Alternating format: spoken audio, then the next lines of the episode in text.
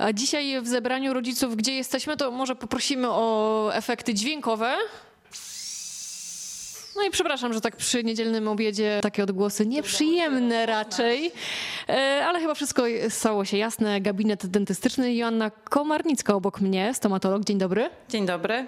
Powiedziałam, że nieprzyjemne e, dźwięki, no bo jednak wizyta u Was nie kojarzy się z niczym przyjemnym. Jak często przenosimy te lęki my dorośli na dzieci? Bardzo często, dlatego że nadal jednak część rodziców straszy dzieci e, przyjściem do dentysty, jeżeli będą jadły za dużo słodyczy albo nie będą słuchały rodziców. No niech pierwszy kamieniem rzuci ten, kto nigdy tak nie powiedział. No, No i właśnie, także zdarza się, że dzieci przychodzą do nas trochę jak za karę i musimy trochę odczarować to wrażenie i pokazać dzieciom, że wcale tak strasznie u nas nie jest. I regularność i e, choćby nawet to słuchanie rodziców, jeśli chodzi o nawyki żywieniowe i higieniczne, przynoszą efekty i wizyty mogą być bardzo przyjemne. Przyjemne wizyty u dentysty. No, No, jeżeli tutaj zachęcimy e, młodego pacjenta nagrodą na koniec, ale nie lizakiem. Czasem i lizakiem, jak są ładne i zadbane zęby, y, i słodycz może być zastosowany jako nagroda.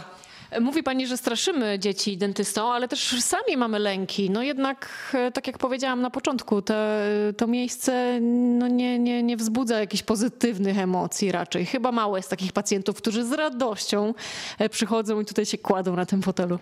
Tak, powiedziałabym, że bardzo mało tych pacjentów, którzy przychodzą pierwszy raz, ale ci, którzy już przyjdą i się przekonają, że wizyta może odbyć się bez bólu, szybko i efektywnie, to wychodzą raczej zadowoleni i z uśmiechem na ustach, często zresztą uzupełnionym uśmiechem. No właśnie, chyba, że się trafi właśnie taka pani doktor jak pani, która tutaj śpiewa na przykład przy, przy pracy, to Tak, y, jestem tutaj z tego znana, że lubię sobie pośpiewać y, podczas wizyty.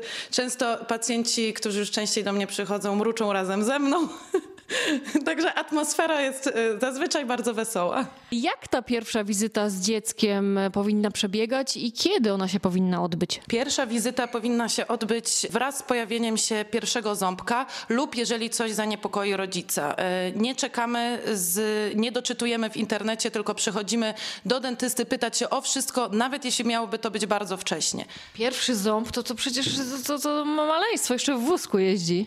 Tak, ale stosujemy tutaj metodę adaptacyjną, żeby dziecko kojarzyło gabinet y, z samą przyjemnością, z jeżdżeniem na fotelu, zobaczeniem światła, jak to wszystko wygląda, z takim zapoznaniem się i to robimy regularnie, aby gabinet kojarzył się y, pozytywnie, z uśmiechniętą panią doktor i żeby odgłosy nie były już takie straszne.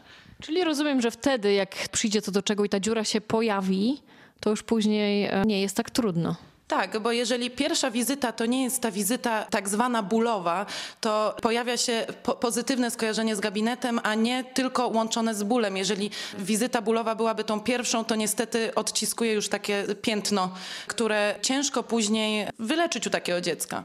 Za moment o tych trudnych doświadczeniach też porozmawiamy, ale teraz chwila przerwy. Radio Wrocław. To jest druga część zebrania rodziców w Radiu Wrocław. Najczęściej zaglądamy dzieciakom do głów, e, bo moimi gośćmi są psychologowie i rozmawiamy o emocjach, o różnych trudnych zachowaniach. Dzisiaj dla odmiany nie będziemy zaglądać do głów, ale blisko, bo do buź naszych dzieci. Razem ze mną stomatolog Joanna Komarnicka. Powiedziała pani, że pierwsze wizyty powinny odbywać się bardzo, bardzo wcześnie. A co jeżeli zaniechaliśmy tego? Co jeżeli ta pierwsza wizyta musi się pojawić wtedy, kiedy no właśnie wychodzi jakaś dziura w zębie i zaczyna boleć? to wtedy mamy trochę utrudnione zadanie, bo musimy przekonać dziecko y, po pierwsze, żeby otworzyło buzię, po drugie, żeby nam zaufało i po trzecie, że jesteśmy w stanie wszystkie procedury zrobić bezboleśnie. O takie zaufanie jest bardzo trudno, dlatego tu jest nasza poważna psychologiczna rola, aby to dziecko y, przekonać i żeby faktycznie nam zaufało, bo jak już zaufa, to już nam ufa y, właściwie do końca życia. Mamy y, wielu pacjentów, którzy latami przychodzą, a zaczynali jako małe dzieci. I y, najważniejsze to później nie zrazić jeszcze dodatkowo niespełnioną obietnicą. Jeżeli mówimy, że nie boli, to ma nie boleć. I dlatego jesteśmy całkowicie uczciwi, uczciwi wobec dzieci, szczerzy y, i wtedy to procentuje. Trochę o psychologię zahaczamy jednak. ciężko jest zdobyć zaufanie takiego małego pacjenta?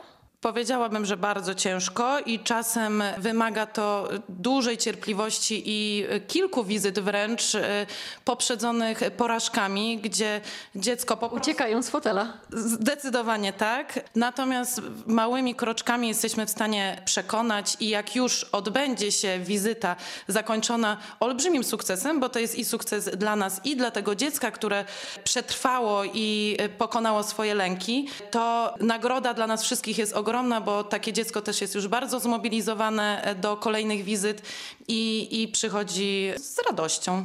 No i pewnie założę się, że trochę lepiej dba o zęby, bo z tą higieną też chyba bywa różnie.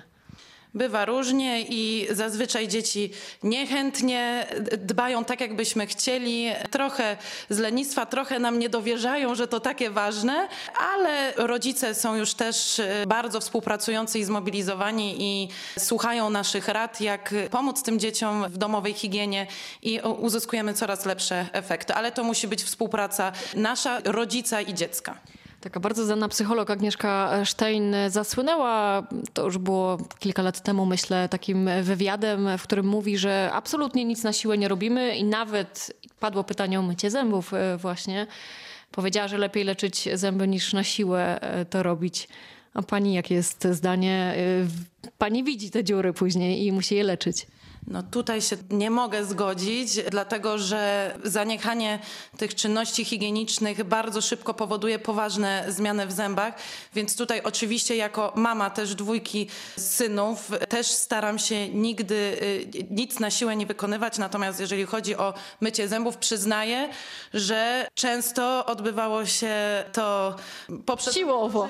tak, krzykami i trochę siłowo, ale dzięki temu pokazujemy, że jest to czynność obowiązkowa. Oczywiście robimy to delikatnie i z wyczuciem, ale nie ma dnia wolnego od mycia zębów. I to, te, tego trzeba dzieci uczyć, więc na siłę w tym sensie, że jest to obowiązkowa czynność rano i wieczorem. Tutaj nie ma negocjacji na tym polu. Absolutnie nie ma negocjacji, tu jestem twarda i nieprzejednana.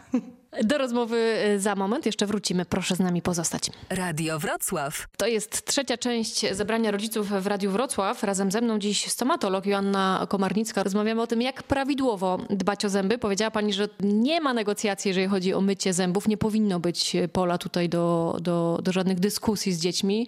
Mają myć i koniec, kropka. Ale przecież to Chyba tak jest, że jedni rodzą się z lepszymi zębami, inni z gorszymi. Jeden raz nie umyje zębów i ta dziura wyjdzie, a inny no, może sobie odpuszczać jeść słodycze i nie będzie dramatu.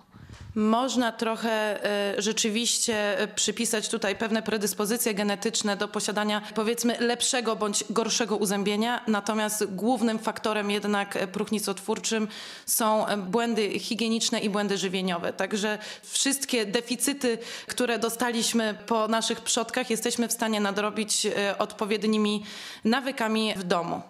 O nawykach higienicznych one się wydają dosyć oczywiste, a nawyki żywieniowe, co ma żywienie do zębów?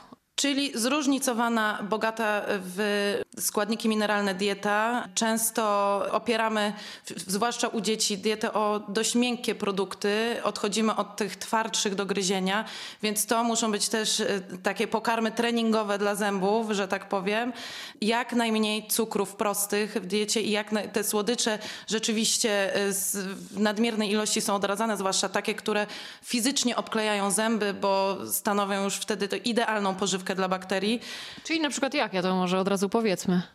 Mówimy o cukierkach, y, mówimy o nawet o płatkach do mleka, które dzieci uwielbiają. Moje dzieci też lubią zjeść takie płatki na sucho, natomiast one w, y, tworzą taką bardzo kleistą papkę, która się wkleja we wszystkie ząbki i zostaje na nich długo, w związku z tym długo stanowi bezpośrednio przyklejoną pożywkę dla bakterii na tych zębach. I nie jest wtedy dobrze no nie jest dobrze, dlatego wtedy możemy się posiłkować umyciem, szybkim umyciem zębów. Tutaj polecam dla dzieci szczoteczki elektryczne. Nie dość, że są e, kolorowe, popularnych wzorach e, z ulubionych bajek dzieci, to jeszcze załatwiają główną część roboty za rękę dziecka, dlatego że główka obraca się. Nie trzeba tutaj specjalnych zdolności manualnych i bardzo przyspiesza to czyszczenie zębów. Czyli płatką mówimy nie, cukierkom nie, żelki chyba też niezbyt wskazane. Mam nadzieję, że słyszą nas dzieci teraz. E, Co, co jeszcze jest na tej zakazanej liście?